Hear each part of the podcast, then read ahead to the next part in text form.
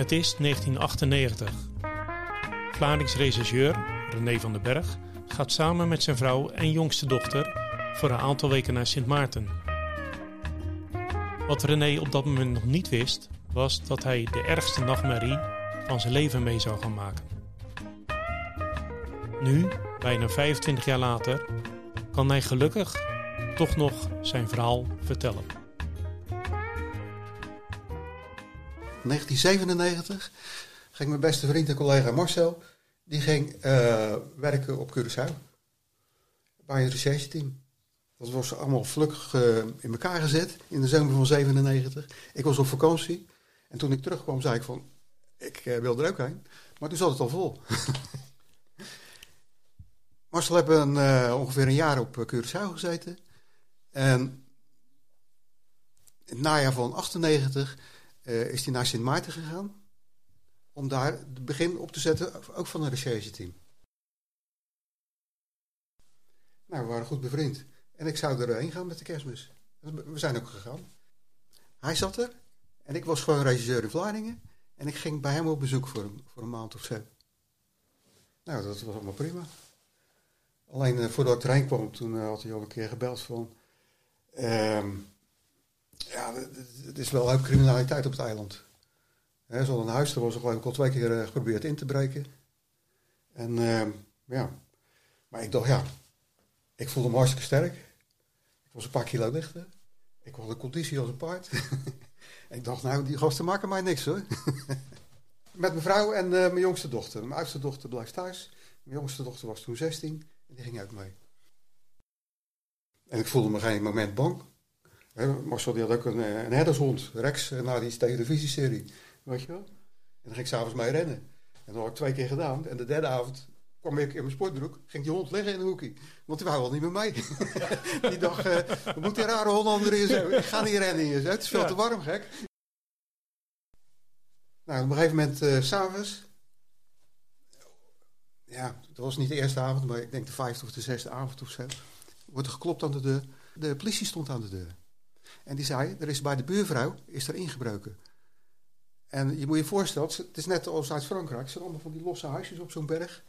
Sint Maarten is gebouwd, is, bestaat uit zeven bergen. En dus die buurvrouw die zat al 50 meter verder of zo. Weet je wel? En die vragen, hebben jullie wel gehoord wat de buurvrouw is overvallen? Die had die, die, uh, die overvallen nog weggeslagen met een koekenpan. En bij dat gevecht had ze een pink gebruiken. Nou ja, wij hadden niks gehoord, want het waait daar altijd als de kleren op die eilanden. en dus je kan s'avonds de muziek hard zetten.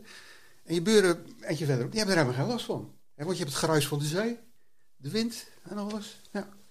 Nou, toen zijn we de volgende dag, uh, Marcel en ik, zijn eens in de buurt gaan kijken. Een leegstaand pontje bezocht. Marcel had een pistool bij hem, ik niet. Gekeken of we daar die overvallen konden, konden vinden. We zijn gewoon gaan zoeken, op onze manier. Dat is de politieman een beetje, hè?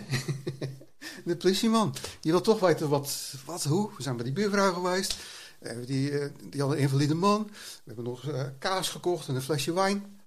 En zo zit de politieman toch ook een beetje in elkaar. En toen was het twee dagen voor kerstmis. Marcel dan naar huis, begaande grond. En daaronder zat een bediendenverblijf. Met twee slaapkamers. Om daar te komen moest je een buitentrap nemen. Langs de openbare weg, een steende trap naar beneden toe. En dan had je twee kamers.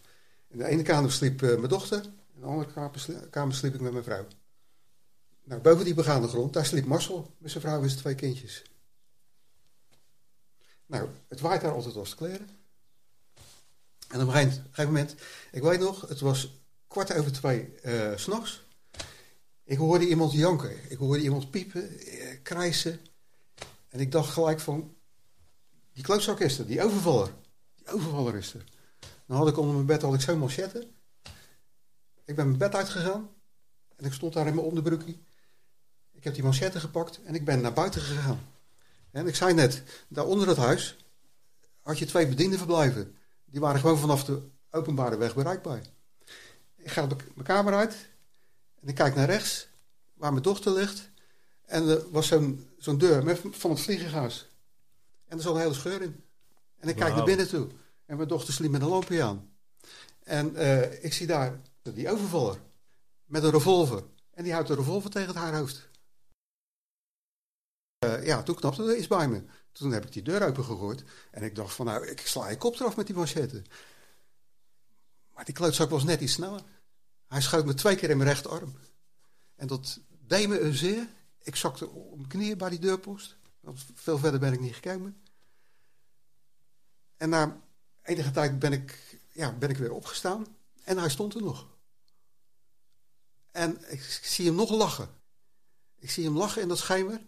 En hij pakt die revolver, hij heeft de revolver nog steeds in zijn hand. En hij schiet weer. Nou, en hij schiet precies hier in het midden. Net onder de solar plexus. Nou, toen zakte ik in elkaar. En toen wist ik het even niet meer. Het was een klap. Dat is nog erger als een klap van een bokser. wat je dan in je lijf krijgt. Het was een klap. En toen dacht ik even van, nou ja, dit, is over. Maar ik ben, kon toch weer opstaan. Na een heel korte tijd. En ik dacht, nou, mijn dochter die lag nog in bed. En ik dacht maar één ding van, ik moet Marcel zien te halen. Die zit boven. Dus ik ging naar rechts toe, naar die stenen trap. Die buitentrap. Om bij het woonhuis te komen, bij die voordeur. Staat die lul er nog boven. En terwijl hij mij ziet, schiet hij nog twee keer. En toen dacht ik van, ja, uh, dit, nou is het helemaal over. Uh. maar hij heeft me niet geraakt. en toen ben ik naar mijn dochter toe gegaan. En mijn vrouw was inmiddels ook wakker geworden. En ik bloedde als een rund, want die slagader was geraakt in mijn rechterarm. En uh, ja, ik, ik, wist het niet meer. Ik heb toen gezegd tegen mijn vrouw en mijn dochter... ik zeg, ga maar naar de railing toe, naar het balkon... en ga maar heel hard roepen van... Marcel, Marcel! En Marcel heeft dat ook gehoord, blijkt later. Nou, op een gegeven moment dacht ik van ja, er lagen allemaal plavuizen op dat balkon. Ik denk ja, ik ga dood, maar ik ga niet dood op dat, die plavuis in dat bloedbad. dus ik ben op bed gaan liggen. Ja, ik wist het ook niet meer. En toen is mijn dochter naast me gekomen. En die pakte me beet. En toen zei ik nog van, doe me niet, want ik heb zo verschrikkelijk veel pijn. En toen uh, ja, ben ik daar blijven liggen. Marcel, die daar boven lag, eigenlijk niet begaande grond en dan weer die slaapkamers, die had het gehoord. Die was naar beneden gekomen met zijn trap. Bij zijn voordeur, naast die voordeur, was een, een raam. En hij kijkt naar buiten toe en ziet daar die vent staan. dus hij gooit die deur open en staat oog in oog met die vent. Allebei hebben ze Marcel's pistool, die vent een revolver. Maar omdat het altijd zo hard waait op die eilanden, en vooral bij Jongenberg, knalde die deur dicht. Marcel schiet. En die raakt die vent. En bij zijn tweede schot gaat dit schot dwars door die deur heen. Want die deur was dichtgeslagen. nou ja, Marcel is toen uh, de deur opengemaakt. En die heeft nog net schaduw van die vent gezien dat hij uh, er vandoor ging. Uh. Nou, die kwam beneden. En ja, die begreep gelijk wel dat ik beschoten was. Dus die heb gelijk zijn vrouw en zijn kinderen van boven naar beneden gehaald. Uh, 112 hadden ze gebeld. Nee, 911 daar ze gebeld. Neem me niet op. nog een paar keer gebeld. Lokale nummer. Neem me niet op. Ik was nog wel zo ver bij de tijd. Zijn vrouw kwam ook naar beneden. En ik wist, zij is verpleegster geweest. Ik zeg, oh, er is wat met mijn arm. Dat is niet goed. Ik heb nooit gezien wat, hoe die arm eruit zag want als politieman blijf je kijken. nou, zij heeft een tourniquet aangebracht. En dat heeft eigenlijk mijn leven gered. Ja. Wauw. Nou, toen... Op een gegeven moment uh, zei Anja van... Ja, ik krijg geen contact met dat 911 hier zo. Ik zeg, weet je wat je moet doen? Je moet onze eigen collega's bellen op het eiland. Want er zaten nog meer regisseurs voor dat nieuwe team. Ik zeg, die moet je bellen. Daar hebben we wat aan. Nou, die, die waren in no time, waren ze er. En die waren nog eerder als die ambulance. Want een van die gasten zei van... Ja, luister maar, ik hoor al uh, ambulance komen. Maar ja, het bleek politie te zijn. Toen kwam de politie bij me. En dan, ik lag daar in bed met die, met en zo. En toen zeiden ze tegen die agent van... Ja, uh, hij is beschoten. Hm. Nou, ik zie ook niet zoveel, zei hij.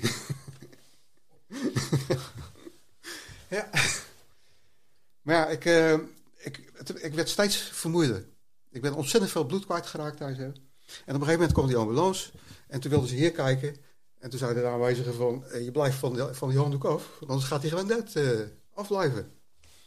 Nou, toen hebben ze me een brancard gelegd.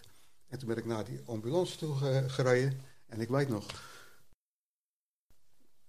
Tegenwoordig hebben ze allemaal mooie dingen. Maar vroeger moest je dat ding erin rijden zo. Klik. En dan ging die erin. Pas bij die vierde keer kwam die brancard in die ziekenwagen. ik dacht, oh jee, als dat maar goed gaat. nou, dan lig je in die ziekenwagen. Dus je lig je met je hoofd tegen het, het schotje waar de bestuurder zit. Nou, dat ging over een deur eruit heen. Dat ging hobbel, hobbel, hobbel. Ik een keer met mijn kop tegen dat eh, schotje anders heb. Ik denk, nou, dat wordt helemaal niks meer. Helemaal niks meer. nou, en een van die, ja, van die ambulanciers, die, eh, die kwam naast me en zo. En ik heb toen gezegd tegen die man. Ik zeg, ik zeg, je moet goed luisteren. Ik ben René. Ik ben een regisseur uit Rotterdam. En ik wil hier niet doodgaan. Hij zei, nee meneer, dat laten we ook niet gebeuren. Ik zei, ja, maar als je dat nog goed in je oren, kan. Ik wil hier niet doodgaan. Nou, toen kwamen we het ziekenhuis aan. En toen komt er een man in een jas. Ik zeg, dokter, van... eh, eh, ja, praat nou enthousiast, maar zo snel ging het allemaal niet meer. ik zeg, dokter, ik ben beschoten. En dat was het enige wat ik nog uit kon brengen. En toen, eh, ik dacht, van, nou, ik moet slapen, ik ben moe. Maar ja, hij gaf me een paar klappen in mijn gezicht om wakker te blijven en zo. En toen zei hij, dat heb ik nog wel gehoord. Hij zegt, ik ben de dienstdoende huisarts. Ik heb al een chirurg opgepiept. Ik denk, jezus, nog een tien. Nog toe, een, ziekenhuis zonder chirurg die dienst hebt. Dat gaat mij weer gebeuren. Dat gaat, dat, ik ga dood. nou, voor de rest, ja, eh, ik weet niet, ik, ik, ik, raakte weg. Ik moest plassen, ik heb bloed geplost. En ik dacht van, nou, het, het, is over. En op een gegeven moment weet ik, eh, toen kwam er iemand naar me toe met een kappie. En toen was ik weg. Ja, ik heb ongeveer tien maanden gerevalideerd. En uh, toen heb ik uh, ja, gebeld. Ik zeg van, nou, ik ben er aan toe. En toen zei de, de politiearts, de, de dienstdoende politiearts, die zei, nou, we gaan eerst even half dagen werken. Ik zei, nou, toen heb ik afspraak gemaakt met, uh, met de chef hier zo, dat ik eerst uh, zou gaan schieten. Toen ben ik op de schietbaan gegaan. Ik heb links geschoten. En ik, schoot, ik haalde mijn diploma weer eigenlijk. ja. Geen probleem. Uh, de, politiewerk, dat is mijn werk. En ik had helemaal geen reden om daarvan af te zien. of daarmee te stoppen. Nee, dat, dat blijft gewoon. Want weet je, die, die laatste kogel die hij op afvuurde, in het midden van, uh, net onder die solar plexus. Ik heb dat overleefd vanwege mijn training bij de politie. De meeste mensen die staan uh, gewoon pal tegen de, tegenover de tegenstander. Gewoon recht, schouders recht. De politieman heeft geleerd om een beetje schuin te gaan.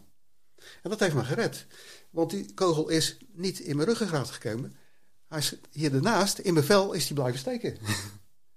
En dat heeft me gered. De politietraining. Door altijd, zeg maar, een paraathouding te hebben. En dat, ja, daar ben ik nog steeds uh, blij om. Ik ben blij dat ik toen zo'n uh, goede conditie had. Ja, dat heeft me gewoon uh, geholpen. Ja. En stoppen? Nee, is nooit in me opgekomen. Vijf jaar later ben ik zelf met mijn vrouw vertrokken naar Aruba. Om daar vijf jaar bij de recherche te werken. En de eerste nacht toen ik daar was, nou, schijt ik geen kast in mijn broek hoor. De eerste nacht, ik hoorde overal geluidjes. En ik had nog geen pistool toe.